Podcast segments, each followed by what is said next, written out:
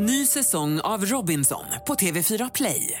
Hetta, storm, hunger. Det har hela tiden varit en kamp.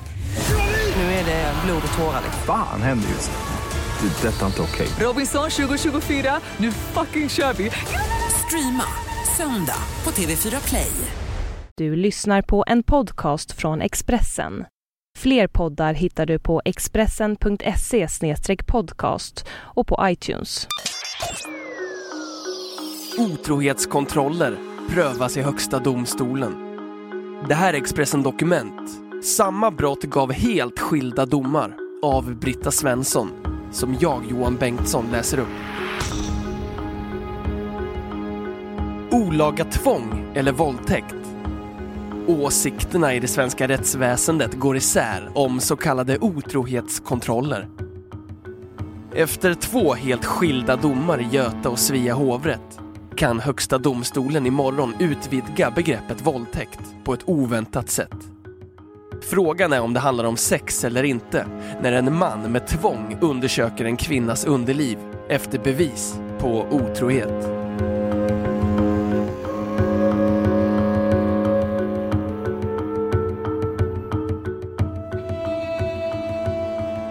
Det var en typ av övergrepp som många aldrig hört talas om tidigare. Nättidningen Dagens Juridik skapade ordet otrohetskontroll när de i en rubrik försökte sammanfatta en dom i Svea hovrätt.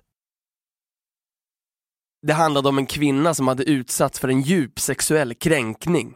En påtvingad gynekologisk undersökning kan man kalla det, säger Stefan Wahlberg, chefredaktör för Dagens Juridik och tidigare rättsreporter på Expressen.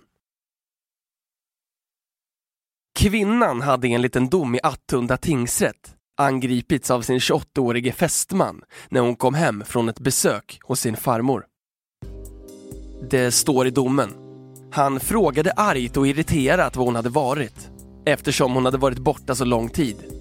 Han skulle kontrollera att hon inte hade varit med någon annan och tog in henne i sovrummet. Han sa att han skulle slå sönder eller döda henne om han såg att någon annan hade varit där. Mannen knuffade ner henne på sängen, slet av henne byxorna och trosorna och letade efter bevis för att hon haft sex med en annan man. Enligt domen stoppade 28-åringen citat kortvarigt under några sekunder in två fingrar i hennes underliv och grävde runt. Hon upplevde det hela som förnedrande och äckligt. Slutcitat. Attunda tingsrätt dömde mannen för våldtäkt, grov kvinnofridskränkning och övergrepp i rättssak till fängelse i två år och åtta månader. Mannen överklagade till Svea hovrätt. Hovrätten såg helt annorlunda på samma händelse och skriver i sin dom att citat, mannen har inte haft något sexuellt syfte med sitt agerande. Hans gärning kan därför inte anses ha haft en sån sexuell prägel att den är att bedöma som en sexuell handling i brottsbalkens mening. Slutcitat. Mannen dömdes till olaga tvång och straffet sänktes till fängelse i ett år och två månader. Domen väckte otroligt mycket känslor och åsikter. Det är så med sexbrott. Det rör det djupaste vi har. De flesta reagerar på själva handlingen att det är ett väldigt kränkande övergrepp, säger Stefan Wahlberg. En som reagerade var advokaten Elisabeth Massi Fritz. I ett debattinlägg på Brännpunkt i Svenska Dagbladet skrev hon och juristen Martin Soner att citat, det finns anledning att befara att påtvingade kontroller av kvinnors underliv förekommer i större utsträckning än vad man kan tro. Slutcitat. Enligt debattartikeln finns förutom otrohetskontroller också oskuldskontroller. Framförallt i vissa patriarkala kulturer där kvinnans oskuld, värde och heder är sammanflätade. Otrohetskontroller existerar i stor utsträckning där hedersproblematiken finns.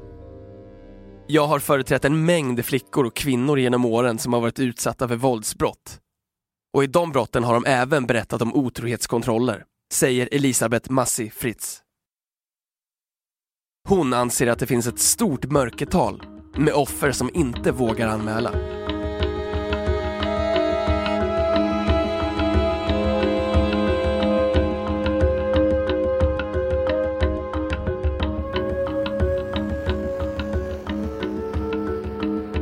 Dagens Juridik upptäckte att det handlade om en viktig rättsfråga. Vår redaktion har koll på i princip alla hovrättsdomar och fyra dagar senare kom en dom från Göta hovrätt i ett identiskt mål där rätten resonerade på helt motsatt sätt jämfört med Svea hovrätt, säger Stefan Wahlberg. Det handlade om en 30-årig man som anklagat sin flickvän för att vara otrogen när hon gett en granne skjuts hem. Under hot om att skada och döda henne tvingade han henne att ta av sig sina byxor och trosor och därefter kände han med fingrarna i hennes underliv för att kolla om det fanns någon sperma, enligt domen. Hovrätten ansåg att mannens handlande, citat, haft en sån påtaglig sexuell prägel och varit ägnat att tydligt kränka fästmöns sexuella integritet. Att det är att bedöma som en sexuell handling i brottsbalkens mening. Slutcitat. Mannen dömdes till fängelse i ett år och sex månader för sexuellt tvång. Vi förstod direkt att det här var något som Högsta domstolen skulle ta upp. Domstolarna måste i framtiden veta hur de ska bedöma den här typen av brott. Om det ska räknas som ett sexuellt brott eller inte, säger Stefan Wahlberg. Det blev en debatt i tidningens kommentarsfält med flera hundra deltagande och språktidningen utsåg otrohetskontroll till veckans nyord. Svea hovrätts dom överklagades av vice riksåklagare Kerstin Skarp och den utsatta kvinnan till Högsta domstolen som prövat fallet. Domen kommer imorgon, torsdag. Kerstin Skarp har hittat fyra fall där otrohetskontroll bedömts som våldtäkt, sexuellt tvång eller olaga tvång. Hon skriver i ett pressmeddelande. Därför är det viktigt att Högsta domstolen klargör om den här handlingen är att bedöma som en sexuell handling och om den i så fall ska rubriceras som våldtäkt eller som sexuellt tvång. Marielle Nakunzi, jurist på RFSU, anser inte att det är självklart att en handling av den här typen ska kallas våldtäkt.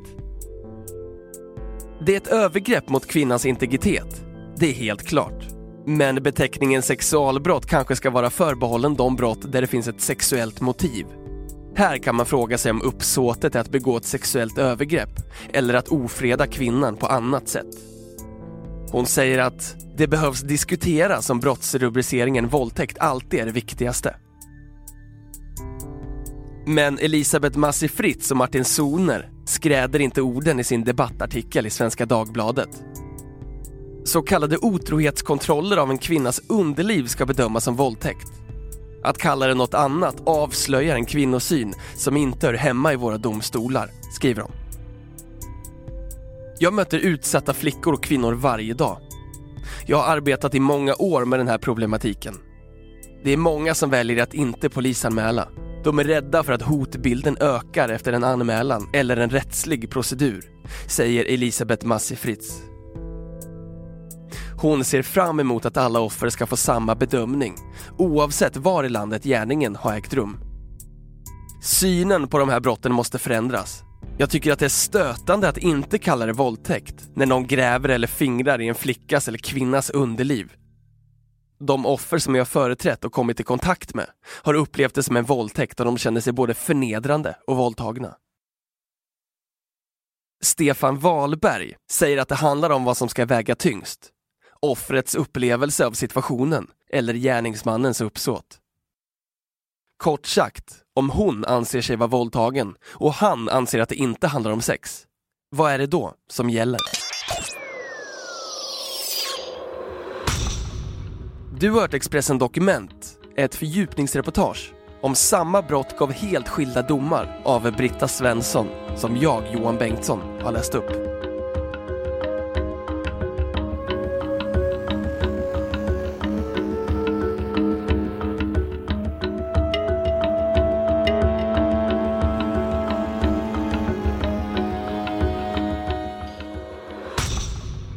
Du har lyssnat på en podcast från Expressen.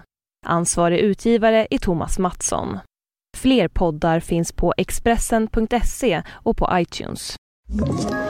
Ett poddtips från Podplay.